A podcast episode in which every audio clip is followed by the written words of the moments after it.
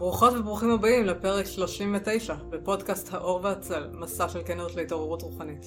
הפודקאסט שמדבר על נושאים שלא מדוברים מספיק במרחבים רוחניים ופסיכדליים, אבל הם ממש חשובים להתפתחות הרוחנית ולבריאות הנפשית שלנו. איתי זיו, סופר, מלווה תהליכי התפתחות ומטפל בצמחי מרפא לנפש, הגיע לפרק נוסף בפודקאסט, לשיחה על האופן שבו רוחניות יכולה לתמוך בנו במצבי משבר קשים, כמו בתקופה שאנחנו חווים בעת הזו במדינה. אנחנו משוחחים על האספקטים המעשיים, הרגשיים והפילוסופיים של רוחניות, וכיצד היא יכולה לשרת גם אקטיביזם פוליטי, באמצעות התמקדות ברגע, חוסר הזדהות, הגדלת היכולת לשאת כאב ותחושות לא נעימות, היכולת לסמוך על התוכנית הגדולה ועל האלוהות, הבנות של השיעורים שהמציאות מזמנת לנו, חיבור רב יותר לאחדות ולחמלה ועוד. ולמי שלא מכיר אותי, שמי טליה מיכאלי, אני פסיכותרפיסטית רוחנית אינטגרטיבית ומטפלת בצמחי מרפא לנפש. אני מלווה מתעוררים ומחפשים רוחניים בתהליכי התפתחות נפשיים ורוחניים, בהתמודדות עם משברים רוחניים ובאינטגרציה של חוויות רוחניות ופסיכדליות. ורגע לפני שאנחנו מתחילים, אני רוצה להגיד תודה ענקית לכל המאזינות והמאזינים שמשתפים את הפודקאסט עם אנשים אחרים, עושים לייק לפרקים ביוטיוב ומדרגים את הפודקאסט בספוטיפיי. אני משקיעה בפודקאסט הזה הרבה זמן, אנרגיות וכסף, וככה אתם מאפשרים לו להמשיך להתקיים. אז בבקשה, תמשיכו לדרג ולשתף. מקווה שתהנו מהפרק. בואו נתחיל. שלום לכולם, ושלום איתי. כיף ממש לארח אותך פה שוב. שלום, כיף לבוא. עבר uh, קצת זמן מאז uh, הפרק החמישי uh, של הפודקאסט שעשינו ביחד, ו... הנושא של היום הולך להיות uh, אחר ממה שדיברנו עליו אז. כן. Um, מאוד מאוד רלוונטי למה שאנחנו מתמודדים איתו עכשיו uh, במדינה הזאת. Uh, אבל לפני שנתחיל פה, תגיד על עצמך כמה מילים למי שלא מכיר. כן, אז אני איתי, היום אני מטפל בצמחי מרפא. זה צמחי הנפש ואני גם מלווה אנשים בתהליכי התפתחות. אה, והוצאתי שני ספרים, אה, לדעתי דיברנו עליהם אז, אה, ויש ספר שלישי בדרך שהוא עוסק בעזרה ראשונה נפשית לכל מיני מצבי קצה, שיקראו לו עזרה בדרך, ומקווה שעוד תשמעו עליו. ספרים משובחים מאוד, אני ממליצה מאוד, גם מהיכרות אישית איתך וגם מקריאה של הספרים. אוקיי, אז באמת uh, הסיבה שהתכנסנו כאן היום, uh, זה היה כי אני אתן, אני אתן קצת uh, רקע. Mm-hmm. הפרק הקודם בפודקאסט uh, היה עם סער רוקח, ודיברנו על uh, בעצם המצב הזה שהרבה אנשים uh, מאבדים אמונה בגלל הטראומה. Uh, בגלל טראומה באופן כללי, וספציפית לגבי המצב שאנחנו חווים אותו כרגע, הטראומה הקולקטיבית הזאת של הזוועות שקרו לנו ב-7 באוקטובר ומה שקרה בעקבות זה. אמ, אז, אז באמת אמ, הסיבה שהזמנתי את שר לפודקאסט הזה כי הרבה אנשים, שמעתי על המון אנשים, שמרגישים שהם לא מצליחים להתחבר לרוחניות כמו שהם התחברו לפני כן, שמשהו אצלם נשבר באמון ואז בעצם עשינו את הפרק הזה, ואחרי זה אה, אתה דיברת איתי ואמרת לי, בואי נעשה את הכיוון השני של הדבר הזה, ואמרתי לך, יאללה, אני חושבת שזה מעולה וזה חשוב. הכיוון השני זה בעצם אה, איך רוחניות יכולה להיות משאב בתמיכה בטראומה, ובהתמודדות עם טראומה. כן. ואני מאוד, מאוד מתחברת לזה, כי הרוחניות מאוד תומכת בי אה, בהתמודדות גם עם הטראומות האישיות שאני, האישיות שאני חוויתי ובאופן כללי עם אה, אירועים אה, נוראים כמו אלו וזה מרגיש שדווקא כל כל פעם שיש איזשהו משבר כזה כמו שהיה בקורונה למשל כמו שיש עכשיו זה דווקא גורם לאיזושהי קפיצה התחזקות מה שנקרא אני חווה את זה ככה. כן. התחזקות ברוח. ברוח כן, כן בדיוק. כן, אני חושב שהאמון, דווקא האמון באנושיות נשבר, כאילו, mm-hmm. ויש יש איזה אלוהות ש, שכן אפשר להישען עליה גם בתקופה הזאת, ו, ואירועים כאלו הם, הם מאיצים התפתחות רוחנית. כן. מאיצים התפתחות נפשית גם, זה פשוט לא תמיד נעים. לגמרי, אבל זה באמת תלוי בשביל מי. כי יש אנשים, לצורך העניין אני, אני פרסמתי פוסט על זה, שיש אנשים שבעקבות טראומה הם באמת מאבדים את האמון, כי הם לא מצליחים להרגיש את החיבור הזה יותר, ויש שם משהו נסדק ב... ב... אה, לצורך העניין, כמו שסבתא שלי אמרה לי פעם, אחרי השואה לא יכולנו להאמין באלוהים יותר. Mm-hmm. כאילו, כי אלוהים לא היה שם. אז, אז באמת אה, כל אחד לאן שהוא לוקח את זה. אה, ו- ו- ואני חושבת שזה מאוד מאוד תלוי בתפיסה שלנו של רוחניות. מה זה רוחניות? מה זה אלוהים? כן. כן. אמ, כן, זה, זה גם קשה ל, לדע, ל, לקבל את זה שיש לאלוהים צד כזה אכזר, mm-hmm. שהיה שם בשואה. Mm-hmm. אין, אין, אין מקום פנוי ממנו, נכון? כאילו, אין, אין, אין כן. מקום שאין אלוהים. ו, כן. וגם בשביעי לאוקטובר הוא היה. Mm-hmm. והוא, והוא היה בכל הצדדים של הדבר הזה. כאילו, זה האלוהים, זה, זה, זה המציאות בה אנחנו חיים, והמציאות היא חלק מאלוהים. עכשיו, מה עושים עם זה ו- ו- ואיך מתמודדים עם זה, זה, זה נראה לי ששווה לדבר על זה.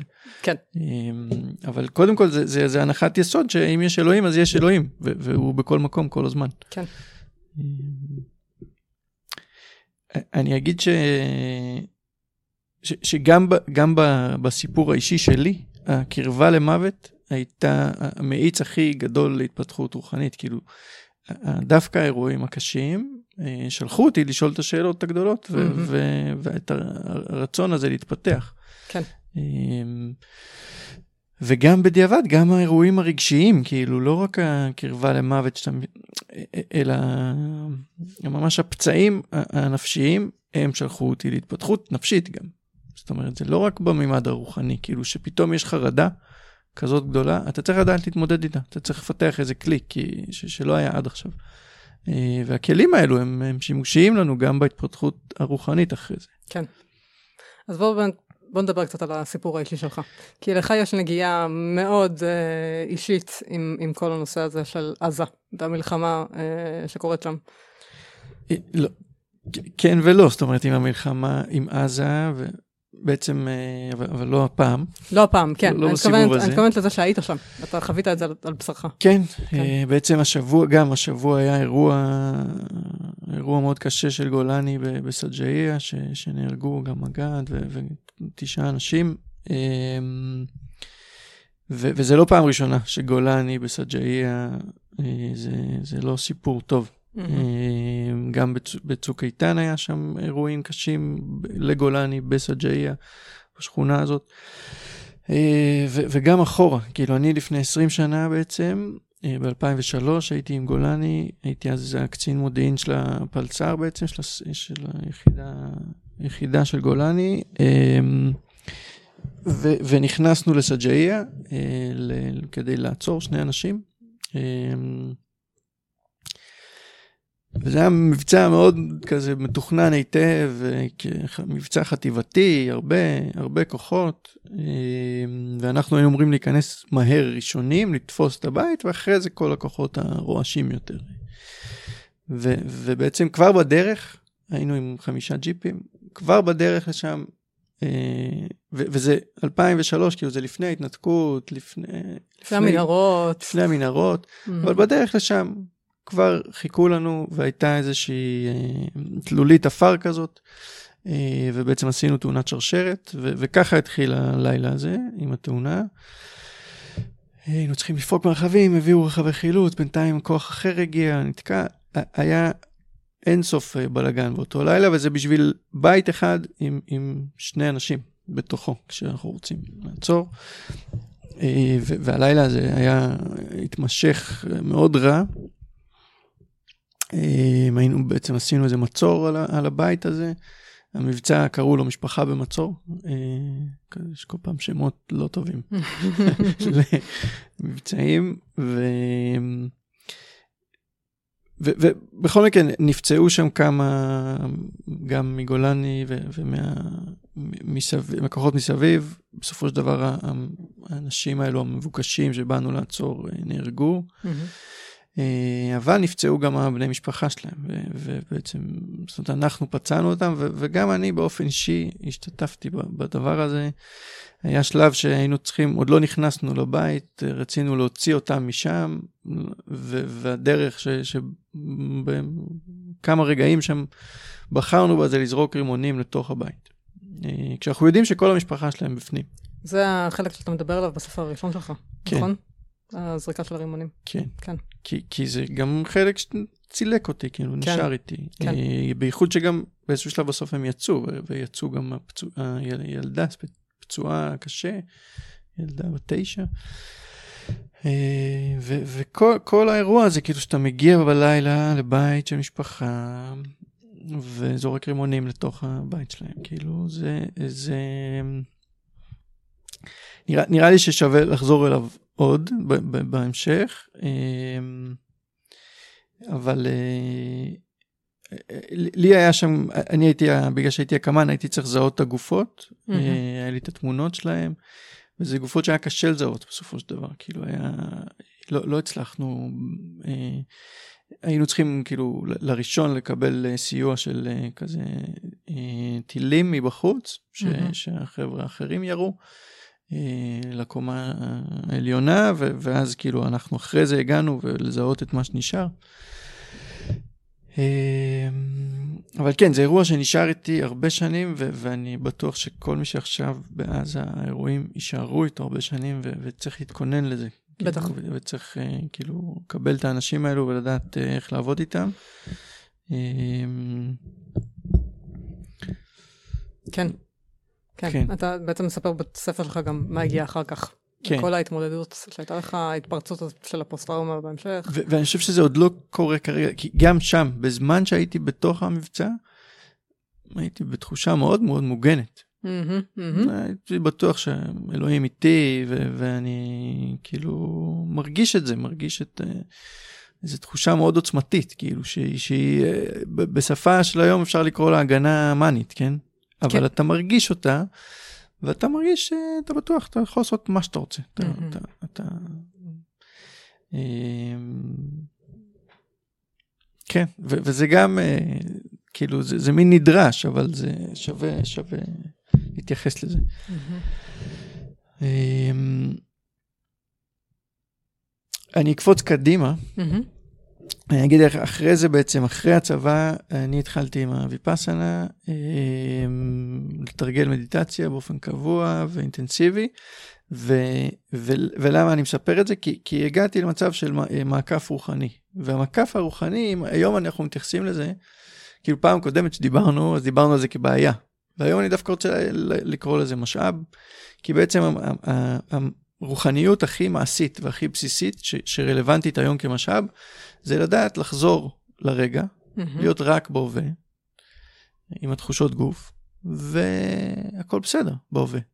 רוב הזמן, גם מ-7 לאוקטובר או מ-8 לאוקטובר, כן, לרוב אזרחי המדינה, רוב הזמן, הכל, הכל בעצם בסדר. כל, הבעיה היא בראש, כן? עכשיו, זו בעיה שהיא קשורה למציאות, כן? החרדה, היא לא הייתה... היא, היא, היא הייתה מותאמת למציאות, ב, ב, בייחוד בימים הראשונים, ועדיין הדרך לווסת אותה היא לחזור להווה. וכל אחד שנמצא בחדר הבטוח שלו, או בחד, או ברחוב ב- היום, אמ, אם הוא בהווה לגמרי, בלי לחשוב על מה יכול לקרות, הכל בסדר, רוב הזמן. את זה אתה יכול להגיד בעצם, אוקיי, זה בסופו של דבר מה שהבודה לימד, נכון? זה לא משנה איפה אתה, זה לא משנה מה אתה. ת, תחזור אוקיי, לגוף שלך. תחזור לגוף, תהיה יש בכאן תחושה ועכשיו. בגוף. וגם אם יש חרדה כרגע בגוף, כי בדיוק ראית משהו לא נעים שקורה, או שמעת עליו, תחזור לכאן ועכשיו, אתה תתווסת תוך דקה, שתיים. את, את, ה- הגוף יודע לווסת עצמו ולחזור לאיזון. כן, אבל בואו, נ- רובנו לא בודה, ובטח לא אנשים שחוו טראומה לפני שנייה, כן. אה, או לא, או זרקו אותם מהבתים שלהם. ועדיין היכולת לחזור להווה, גם אם היא לכמה דקות כל פעם, להישאר בהווה, היא, היא גורמת לגוף להתווסת. וזה, וזה משאב, כי אנחנו צריכים כן. כל הזדמנות להתווסת, אנחנו צריכים לקחת אותה. כן. אמ, אז התרגול הרוחני הבסיסי, כאילו מה שקוראים, מיינדפולנס נקרא היום, אה, יכול לעזור לנו להימנע מחרדה. כן. אמ, בתור התחלה. אה, עכשיו המעקף הזה הוא, הוא גם, הוא, הוא איזה סוג של הדחקה רגשית, כי אתה לא מתמודד עם הרגשות שם. נכון. אתה מתמודד עם התחושה בגוף, שזה אה, זה, זה כמו מופע אחד של רגש, אבל אתה, אם אתה מתמקד רק בו, אתה לא צריך להתמודד עם כל החבילה הרגשית. כן, כלומר זה, זה מה שנקרא טיפול סימפטומטי. כן. אבל הוא מאוד uh, פונקציונלי והוא מאוד רלוונטי כרגע, גם Mhm. למי שבתוך עזה, שלא יכול לחשוב על כל מה שיכול לקרות מסביבו כל רגע. כן. הוא צריך אולי- להישאר בתפקוד. אז אולי העניין הוא, זה, אוקיי, זה יכול להיות מעקף רוחני, אם זה מה שאתה עושה לאורך זמן. כלומר, אם... זה, כן. זה, כל, כל טכניקה הרי יש לה מקום. מהמם. בדיוק כמו שלתרופות יש מקום, נכון? העניין הוא יותר מה אנחנו עושים מעבר לזה. זאת אומרת, כן. זה, זה מעולה להשתמש בזה ב, בזמן מסוים כשזה באמת באמת נחוץ, אבל לאורך זמן נדרשים עוד דברים. נכון. נדרש, אה, נדרשת התייחסות מעמיקה יותר. וכשזה לא קורה, אז זה הופך להיות מעקף רוחני. נכון. ובאמת השלב הבא, מבחינתי, אחרי, אחרי שזה הבסיס ש, שכדאי לכולם לאמץ, תרגול מיינדפולנס, גם למי ש, ש, ב, ב, ב, בתוך הדבר, בתוך האירוע, אה, וגם למי שרק ב, בבית וראה טלוויזיה יותר מדי, והוא בתוך האירוע ב, ברוחו. כן. אז, אז עדיף לכבות את הטלוויזיה ו, ו, ולהיות במיינדפולנס ולהגיע לוויסות. עכשיו, אחרי זה, מגיע הרגש, ו- והרגש שכולנו מתחמקים ממנו כל הזמן זה כאב. כאב, כן. חוסר אונים. כן. מהמם. ו- ו- וכאב וחוסר אונים, אה, ת- תכף אני אדבר איך הכאב מתחבר עם החוסר אונים לדעתי, אבל, אבל בשלב ראשון, אם נלמד להיות עם הכאב, ו- וזה נשמע קלישאתי והיפי ומנותק, אבל זה נדרש. לגמרי. כי, כי בלי, שהכאב, בלי שאתה שוהה עם הכאב, הוא מתפרץ בדרכים אחרות, הרסניות יותר, ו- והן הרסניות, החל מהרמה האישית למערכות יחסים, ועד לרמה הקולקטיבית, ש- שלזה נגיע בהמשך. לגמרי. אה, אז להיות עם הכאב ולקבל אותו, ולתת לו להתפרק באיזושהי דרך, אם זה בכי או כל דרך אחרת. אה, זה, לא, לא יודע אם זה אפילו רוחני, כן? זה, זה רגשי, מעשי, לגמרי. זה, כן. זה פשוט נדרש היום. אמ, ואני יודע שלי אישית מאז השביעי לאוקטובר יש גלים של כאב כל פעם שאני אני מספיק שאני מתחבר לאחד מהסיפורים אה, האישיים שהיו שם אה, כאב מטורף כאילו ש, ש, שצריך להתפרק ו, ולבכות אותו החוצה ו, וכל כן. פעם אה, הוא יוצא באיזושהי דרך. אבל צריך גם להגיע למצב שאתה לא נבהל ממנו. כלומר, אני חושב שהיום אתה יכול להיות במקום שאתה לא נבהל מהכאב שלך, כן. בעוד שפעם, הסיבה, ש- לצורך העניין, שעשית את המעקף הרוחני במשך המון המון שנים, זה בגלל שלא יכולת להכיל את הכאב הזה, זה היה יותר מדי overwhelming, זה היה יותר מדי מבהיל. נכון. כאב לא מטופל הוא, הוא יוצר הרבה מאוד בעיות. כן. נפשיות קודם כל, כי אתה, את, הוא, הוא מגיע אחרת. בסוף גם גופניות, כן? כאב רגשי שלא מטופל הרבה זמן, הוא, הופך לבעיה גופנית, כאילו כן. אנחנו לא צריכים. אמ, זה, זה די ברור. אמ, אוקיי, אז, מה, אז אני רגע מסכם את מה שאמרנו כאן, Mhm. שהעניין הזה של, של מיינדפולנס, מיקוד ברגע, מיקוד בגוף, זה חשוב, זה ממש חשוב אה, בזמנים כאלה. אה, מהמם. פשוט לאורך זמן, גם צריך מקו, לתת מקום לכאב. כן, עכשיו, אה, אה, זה, זה כן גם איזה גשר של גם וגם, כי... מהמם.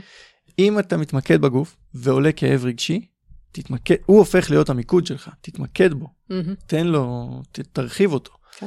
ולא תנסה ל, לתפקד או לנשום או להרגיע את עצמך.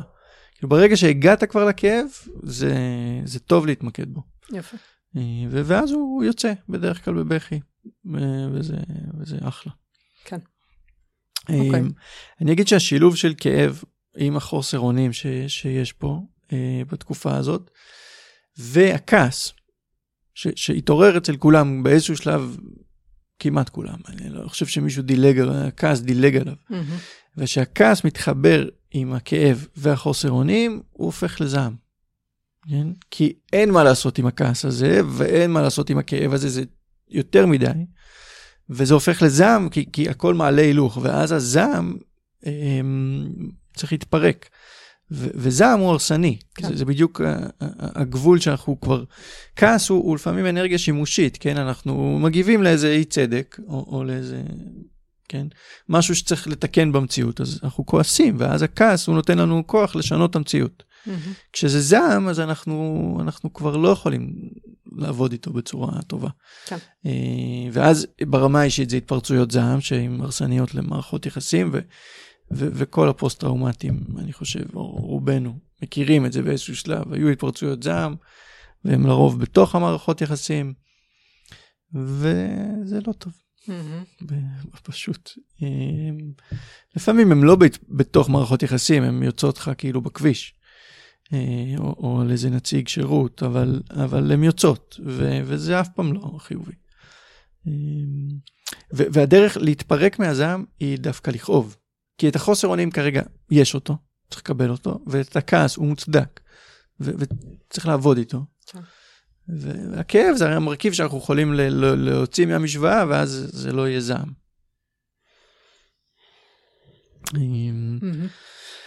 אז, אז זה, זה ככה עוד שיעור שאפשר לקחת. אה, ועכשיו אנחנו מגיעים לפילוסופיות הרוחניות ש, שאולי אה, לא היו, זאת אומרת, הן לא היו נגישות בזמן המלחמה או מיד בימים הראשונים, אבל, אבל הן היו שם לפני והן חוזרות, ו, וכן הן משאב גדול בעיניי.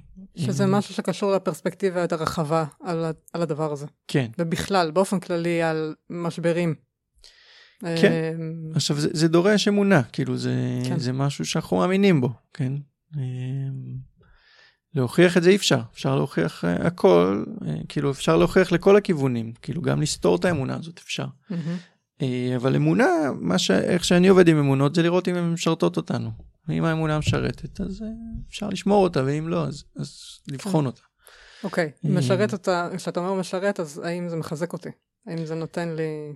מחזק במובן ההתפתחותי, לא כן. במובן של להיות חזק, כי אני כן. לפעמים כן. צריך להיות חלש, ו- ו- ואני צריך להאמין בזה שזה מותר, mm-hmm, mm-hmm. לקבל את זה פשוט. כן.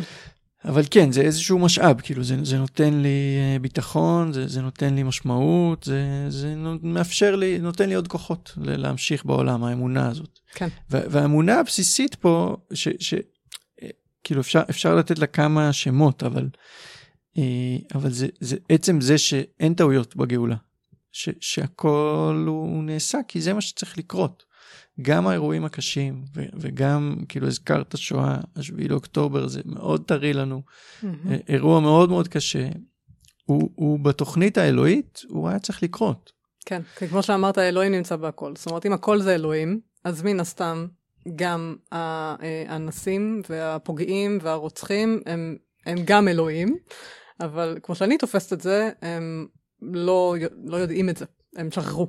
לגמרי. כן. כלומר, הם, שכ... הם לגמרי התנתקו בעצם מ- כן, מה... גם אנחנו. זאת אומרת, כן. גם התגובה היא מנותקת. הכל מנותק. כי, כן. כי אנחנו כועסים, אז אנחנו בהתחלה כועסים עליהם, ואז אנחנו, גם כשאנחנו מבינים שזה אלוהים, אנחנו עדיין כועסים על אלוהים.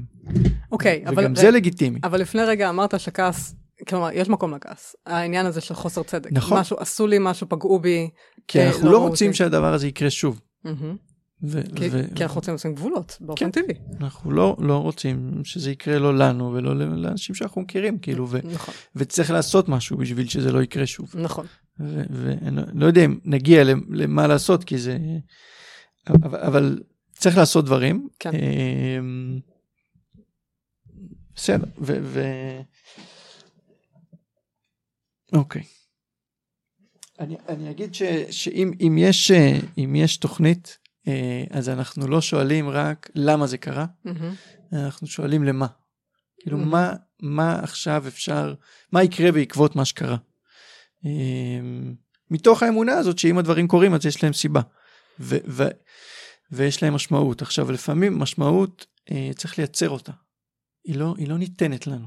כי אנחנו צריכים לחפש אותה כן. ו- ולייצר אותה. עכשיו, האם אנחנו רוצים שלמלחמה הזאת, או לכאב, לכל מה שקורה פה עדיין, לכל הדבר הזה תהיה משמעות שהיא חיובית, אז אנחנו צריכים לכוון לשם. Mm-hmm. כן, אנחנו צריכים לגרום לזה שזה ישנה את המציאות.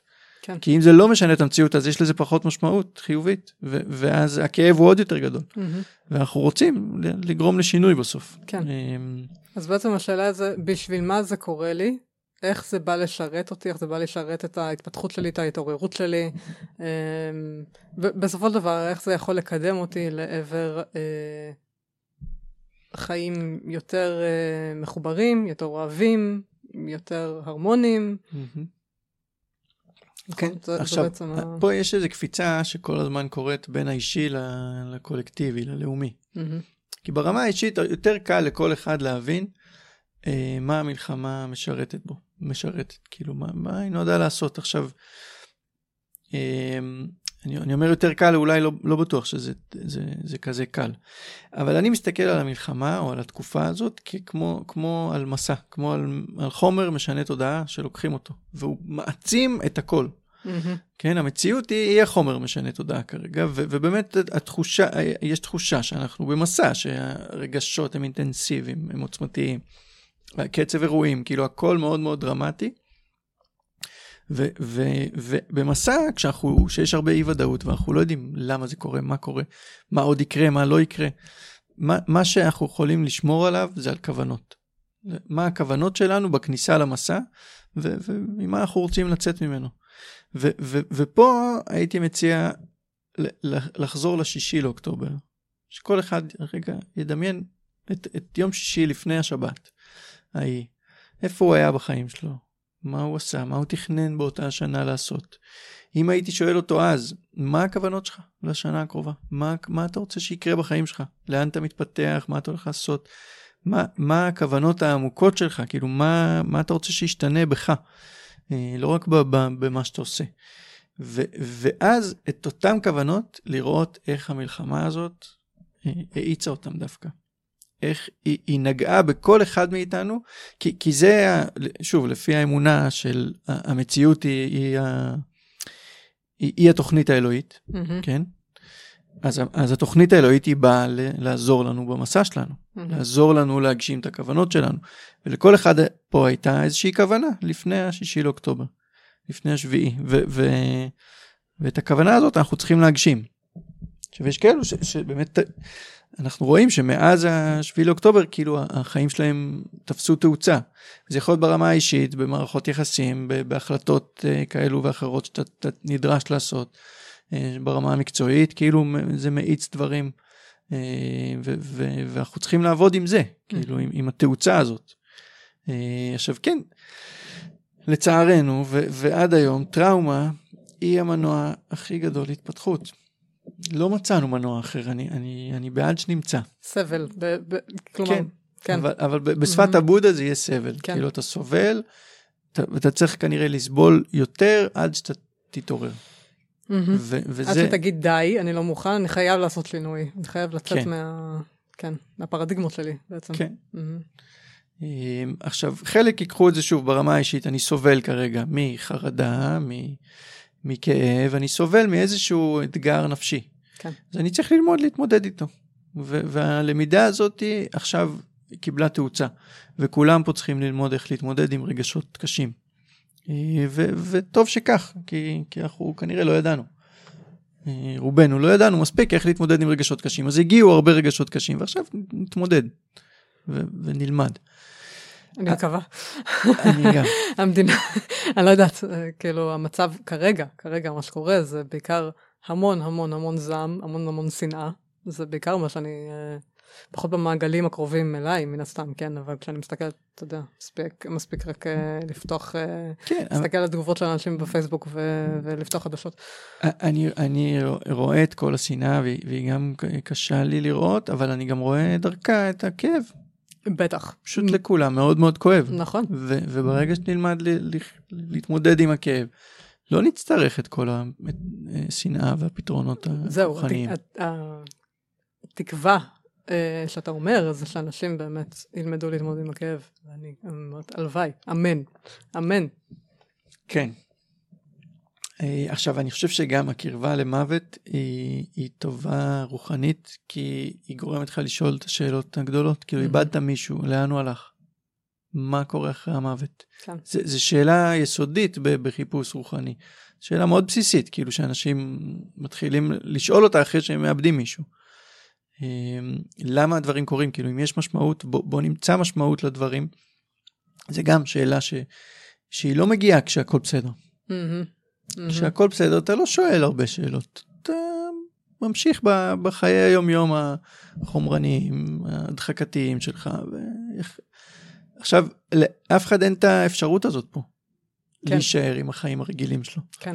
הוא, הוא, הוא צריך לשאול שאלות, והשאלות האלו יובילו את חלקנו להתפתח, ואת חלקנו לא, כן? זה לא שמלחמה אחת אה, ת, תשנה את, ה, את כל המסלול האנושי.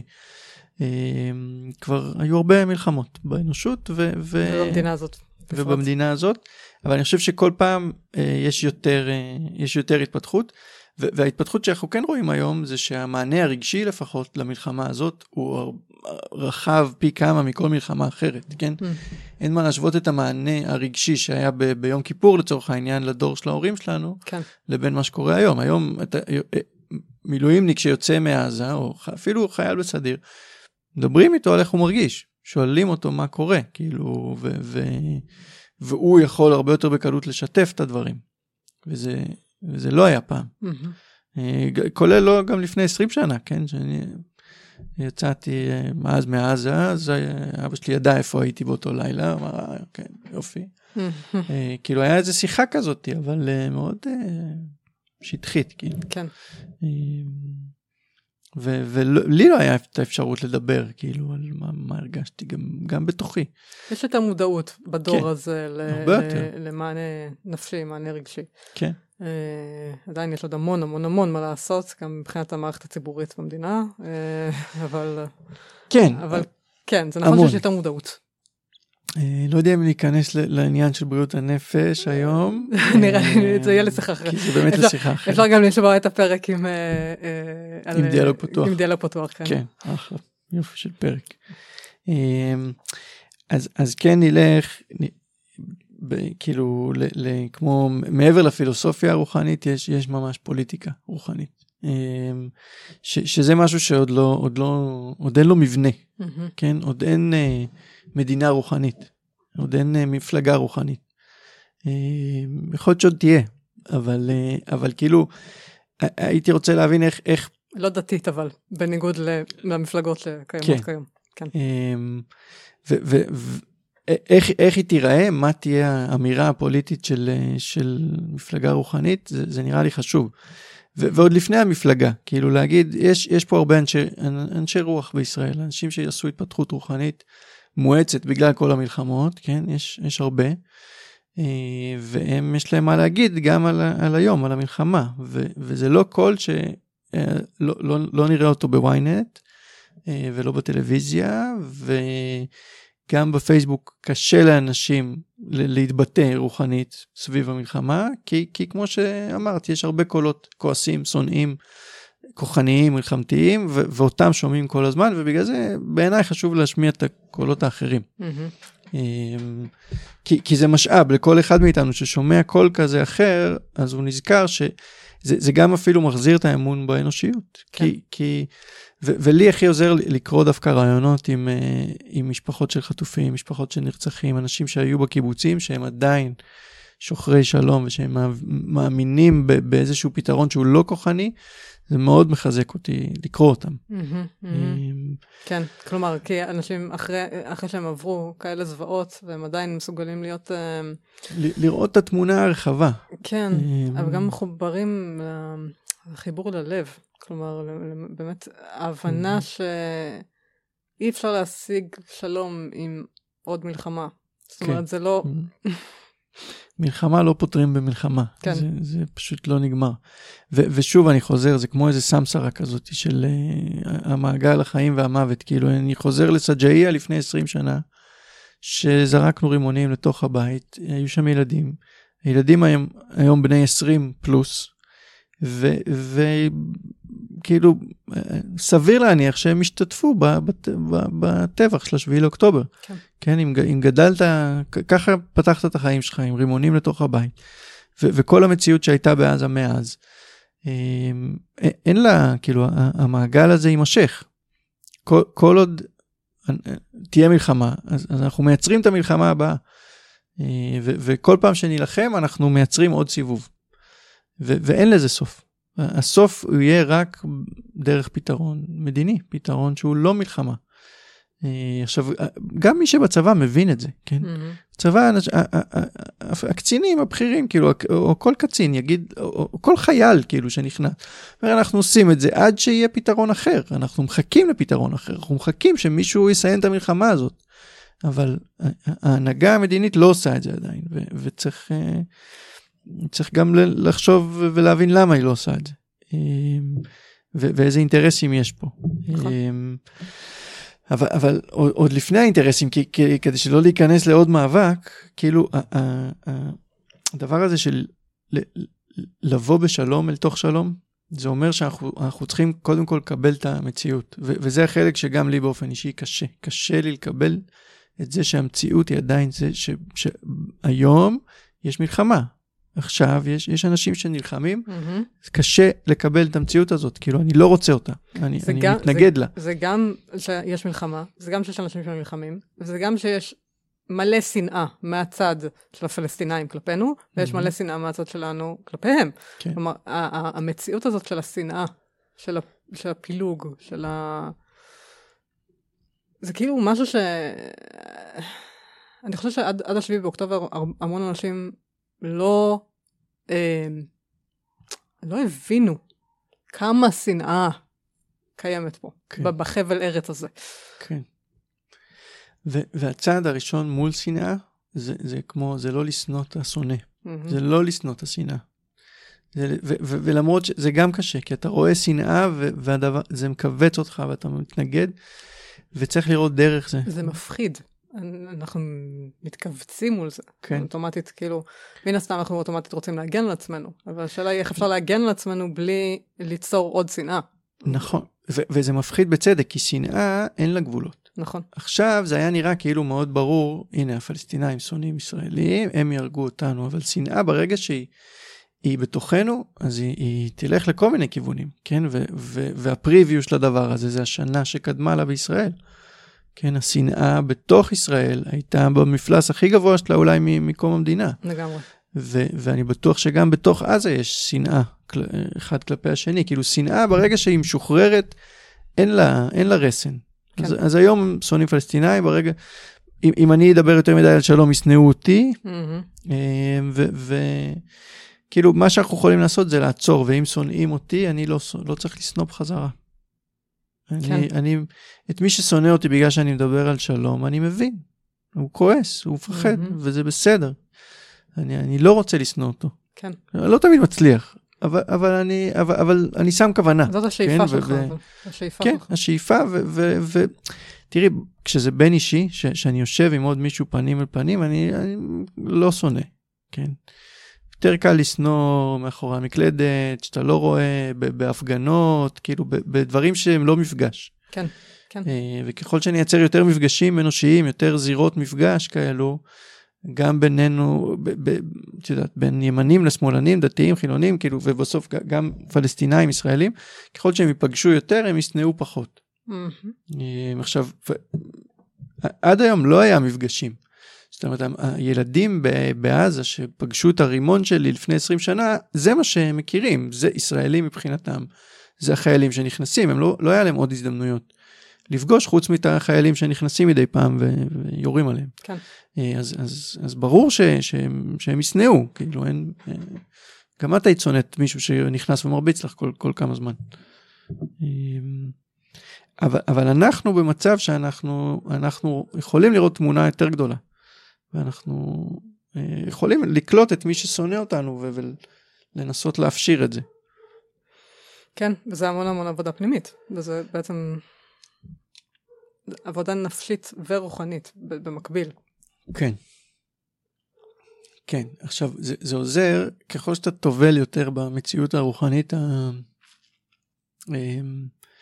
מה שאז דיברנו עליה כ... כ לא יודע, פסיכוזה, אני לא זוכר את השמות ש, שהשתמשנו אז, אבל יש, יש את המציאות הרוחנית העליונה, כאילו, mm-hmm. לא, לא יודע, כאילו העולם שמעבר, כן?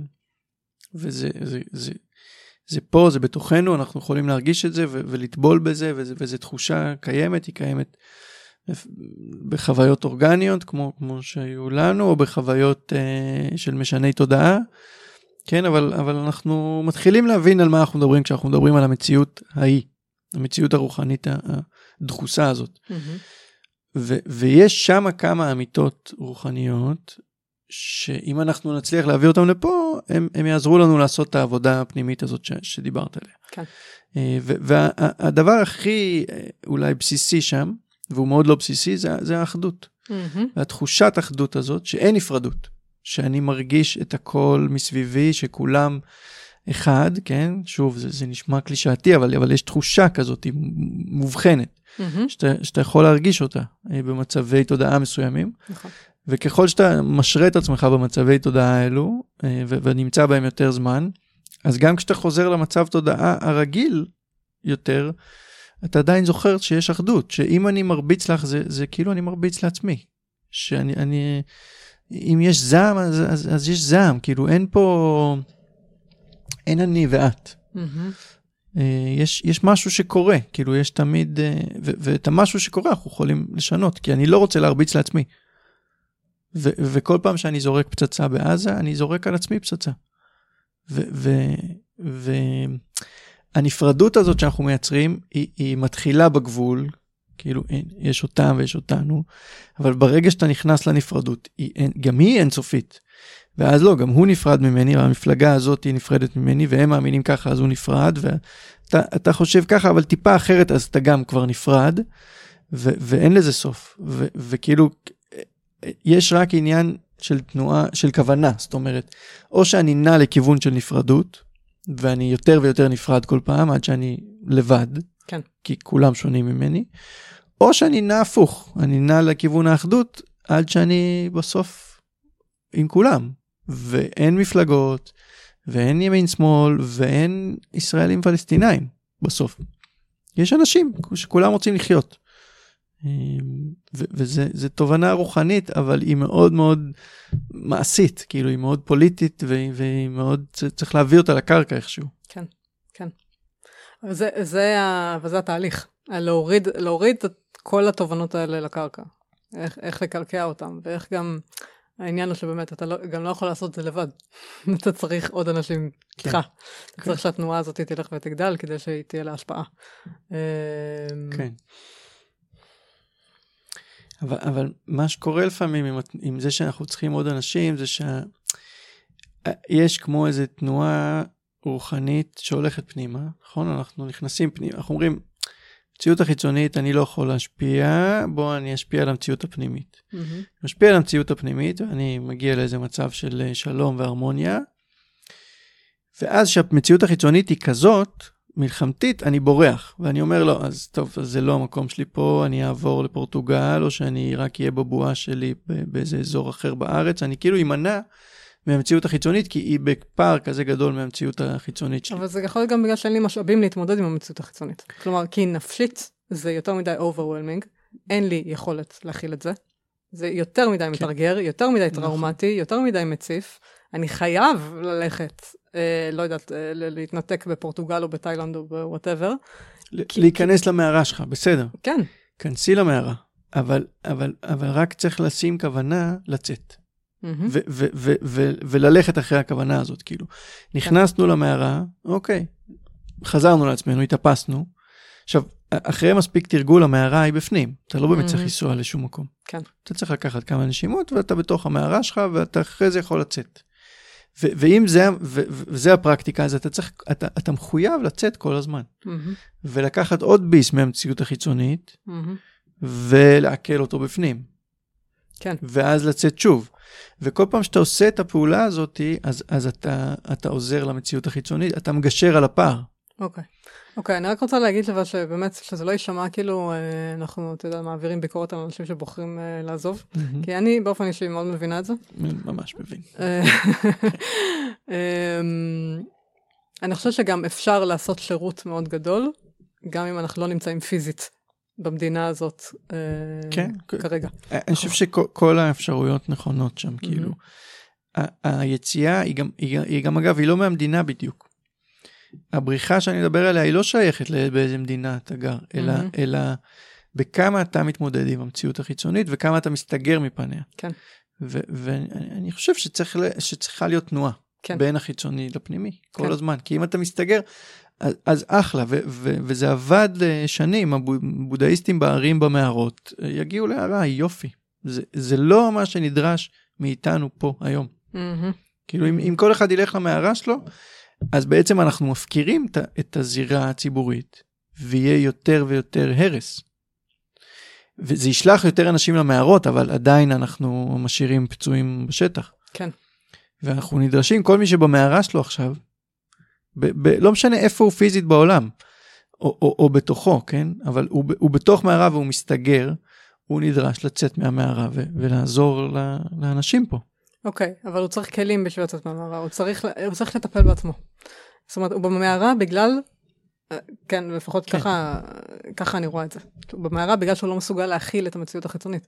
אם היו לו את הכוחות להכיל את המציאות החיצונית, נכון, הוא היה עושה את זה. נכון. אז, אז אנחנו צריכים לתת לאנשים כלים, וה, והכלים הבסיסיים, דיברנו על משמעות, אני חושב שהדבר הבא זה שייכות. אם אנחנו מרגישים שייכים למשהו, אז אנחנו יכולים להיות איתו גם כשקשה. כן. וגם השייכות עכשיו, את רואה איך כולם עם, עם דגלים, כאילו, ביחד ננצח הזה, זה כדי ש, שאנשים ירגישו שייכים, כי השייכות עוזרת. עכשיו, אנחנו רוצים להיות שייכים, אבל לאיזה שבט כלל אנושי כזה, שקשה למצוא אותו כרגע, אה, ואני חושב שעוד יותר קשה כרגע לישראלים, כי כאילו יש איזו תחושה שהשמאל העולמי נגדנו, ושכאילו אנשי השלום, אה, הם, הם מיעוט בישראל, והאלו שבחו"ל הם לא משתפים איתנו פעולה, יש, יש תחושה קשה של חוסר שייכות כן. למחנה הפרו-אנושי הזה, כן. כאילו למחנה האחדותי, ו, ו, וצריך לייצר אותו, כאילו עכשיו הוא, הוא כן קיים ברגע ש, שאנחנו יוצאים מהמסך ופוגשים מישהו, אז, אז יש לנו במעגלים שלנו אנשים ש, שהם בני אדם, כאילו ש, שאפשר לדבר איתם כבני אדם, גם אם הם בדעות שונות כרגע, אבל אתה יכול להרגיש שייך במשהו. Mm-hmm. ו, וככל שניצור יותר מפגשים, נרגיש יותר שייכים. אמ, אז כן, לצאת מהמערה, עדיף ביחד. כאילו עדיף לתפוס עוד מישהו מהמערה ליד ו- ולעשות איתו משהו. כן, גם זה כמובן, וגם, אתה יודע, דברים הפרקטיים כמו ויסות, כל מיני תרגילי ויסות, mm-hmm. ללכת לטיפול. כן. תמיד מומלץ. כן. אמ. אמ, אבל אני חושב שיש איזה, איזה צעד נוסף ש... את יודעת, כל מיני דיברו על התפכחות מאז השביעי לאוקטובר, ובעיניי זה לא בדיוק התפכחות תמיד, לא, זה תלוי לאיזה כיוון אתה לוקח את זה. Mm-hmm. מבחינתי ההתפכחות זה ש... ש... שאי אפשר להזניח את הזירה הציבורית, כאילו את המיינסטרים. Mm-hmm. אי אפשר להגיד, טוב, זה שלהם. Mm-hmm. וכאילו אני, אני אתעסק בשלי ו... וכזה. יהיה בתוך הקהילה שלי או, או בתוך הבית שלי ויעשה את העבודה הפנימית, יהיה בתוכי רק ויעשה את העבודה הפנימית, זה לא מספיק, כאילו צריך לחזור, להיות נוכחים מעבר לבית, כאילו להיות, גם להיות נוכחים בבית זה, זה עניין, אבל, אמ, אבל להיות נוכחים בקהילה ולחזור איכשהו למיינסטרים ולהשפיע עליו. אה, ואם זה ב, ב... לא יודע, דרך עמותות או דרך אה, כאילו כל מיני דברים ש, שנמנענו מהם או, או אני אישית נמנעתי מהם, כאילו צמצמתי את העשייה שלי, אה, ואני חושב שההתפכחות זה לחזור לשם. Mm-hmm. לחזור וכן לנסות, לא יודע אם להגיע ל... ל כאילו להגיע ליותר אנשים, כן. דרך איפה שהם נמצאים היום. לא לחכות שהם יבואו אלינו. כן, להיות הגשר. בעצם. כן. Mm, כן, זה דורש באמת אבל הרבה, הרבה משאבים. אתה צריך שיהיו לך משאבים mm-hmm. בשביל לעשות כל פעם את היציאה הזאת. כי אתה יודע ששם אין, אין משאבים. כלומר, יש הרבה פחות, כן. בכל אופן. כן. אמ, כן, אני חושב ש, ש, שהרוח היא, היא המשאב אה, שאפשר להישען לתוכו, זאת אומרת, יש, אה, יש סיבה, יש, יש, אה, כאילו, יש משמעות לדברים, mm-hmm. ו, וזה זה, זה נותן משאב. זה, זה נותן לי כוח להמשיך אם אני יודע ש, שהדברים הם לא, הם לא חוזרים על עצמם. כאילו זה, זה נראה הרבה פעמים כמו לופ, כל המלחמות האלו, ולזכור שזה ספירלה. זה, זה דומה מאוד ללופ, אבל יש לזה איזה מוצא, כן? כאילו, ו, ולזכור גם שתוך כדי, ש, שההתפתחות האנושית היא, היא קרתה, היא לא הלכה אחורה, היא mm-hmm. עדיין פה. Mm-hmm. זאת אומרת, נכון, ב- בישראל אה, בחודשיים האחרונים נהרגו המון המון אנשים, ב- בישראל ועזה ביחד נהרגו המון המון אנשים בצורה הכי אלימה ש- שיש. אה, אבל בו זמנית בעולם יש 8 מיליארד אנשים כרגע, רובם חיים בשלום. תוך כדי האירוע המאוד קשה הזה, עדיין רוב העולם נמצא בשלום. ו- וזה כאילו חשוב לראות את הפרספקטיבה הזאת גם. כי, כי נכון, זה מתוך, ה, מתוך הבוץ הזה, מתוך האירוע שקורה פה, אנחנו כאילו חושבים שכל העולם במלחמה כל הזמן, אבל לא. כאילו, ההתפתחות קרתה, כן? אה, ו- ואנחנו... עדיין יחסית אה, יש פחות מלחמות היום ממה שהיו. חד משמעית, חד משמעית. יש את ה... אה, יש את הספר ההוא, המלאכים הטובים של The Better Angels of Our Nature, של פינסקר, ש... שהוא ניסה למדוד כמה מוות אלים היה לאורך ההיסטוריה, באיזה אחוזים. אנשים מתו מוות אלים. ביחס לאחוז של האוכלוסייה, כמות כן, האוכלוסייה. כן, כן. מתוך מי שמת, בסוף כמה מת בשיבה טובה ממחלה וכמה ברצח ואירועים אחרים. ו, ואם זה מתחיל מ... הוא ממש הלך לקברים של אה, כזה ציידים לקטים, כאילו, וניסה לראות כמה עצמות שבורות יש ובאיזה אופן.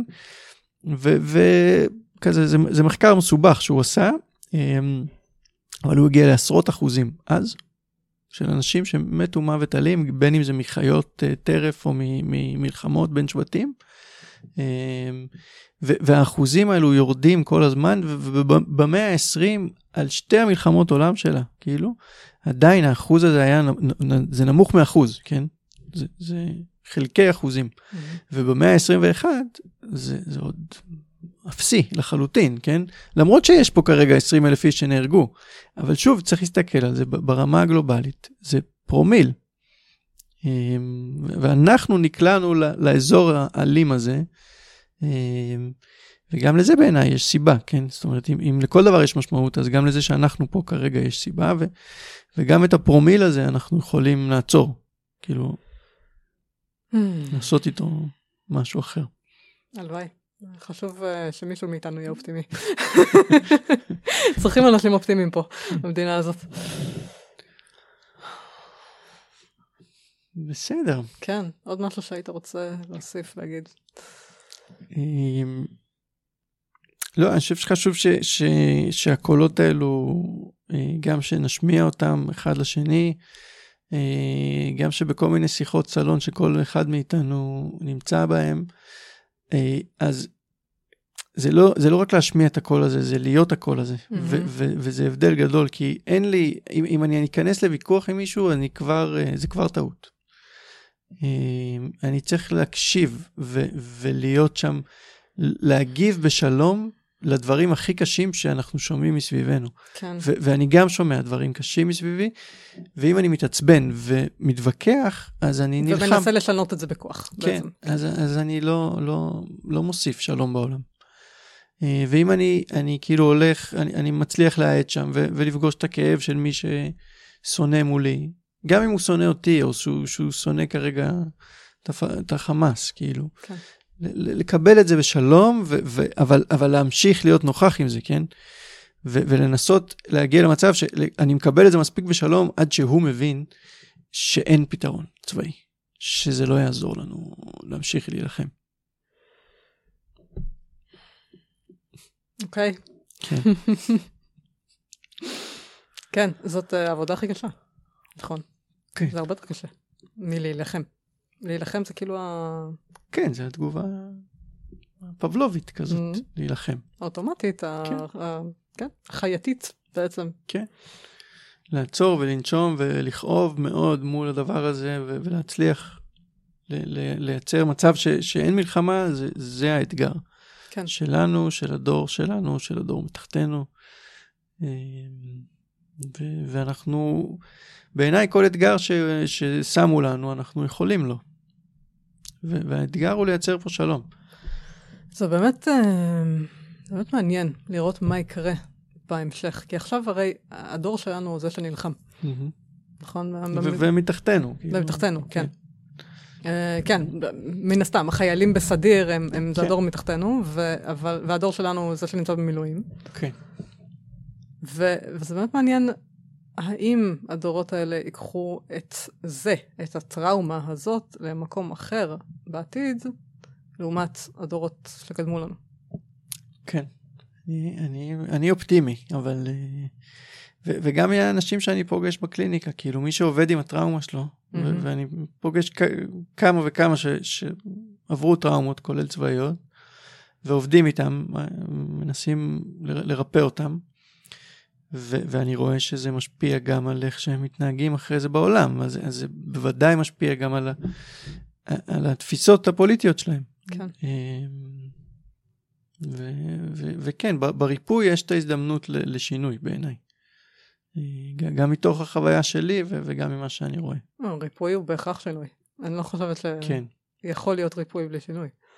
אה, כן, ו- וזה, וזה גם איזה כזה מערבולת. Mm-hmm. יש, יש מערבולת, כמו שיש מערבולת טראומה, יש מערבולת ריפוי. כן. וכשאתה נכנס למערבולת ריפוי, אה, אתה, אתה תצא אדם חדש. אה, ובהכרח אדם שלא נלחם. אהו, כמו שאומרים ההיפים. וואו. אז הייתי שם איזה שיר על ריפוי כזה לסיום.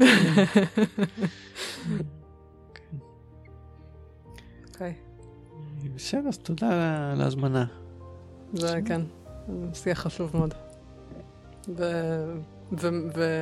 וגם אה, מעניין אה, באופן אישי לעשות זה איתך, גם בגלל כל מה שחווית ופרספקטיבה שלך. אה, וגם כי, כן, זה פשוט, פשוט חשוב. תודה על זה. עד כאן הפרק להפעם. לקבלת עדכונים על פרקים חדשים בפודקאסט, הרצאות ופעילויות אחרות, הצטרפו לקבוצת הוואטסאפ השליטה. חוץ מזה, בפרופילים שלי בפייסבוק ובאינסטגרם תוכלו למצוא עוד מלא תכנים מעניינים שאני משתפת, אז כדאי לעקוב. לינקים להכל כאן בתיאור הפרק. אני ממש ממש שמחה שהייתם פה איתי, ונשתמע בפרק הבא.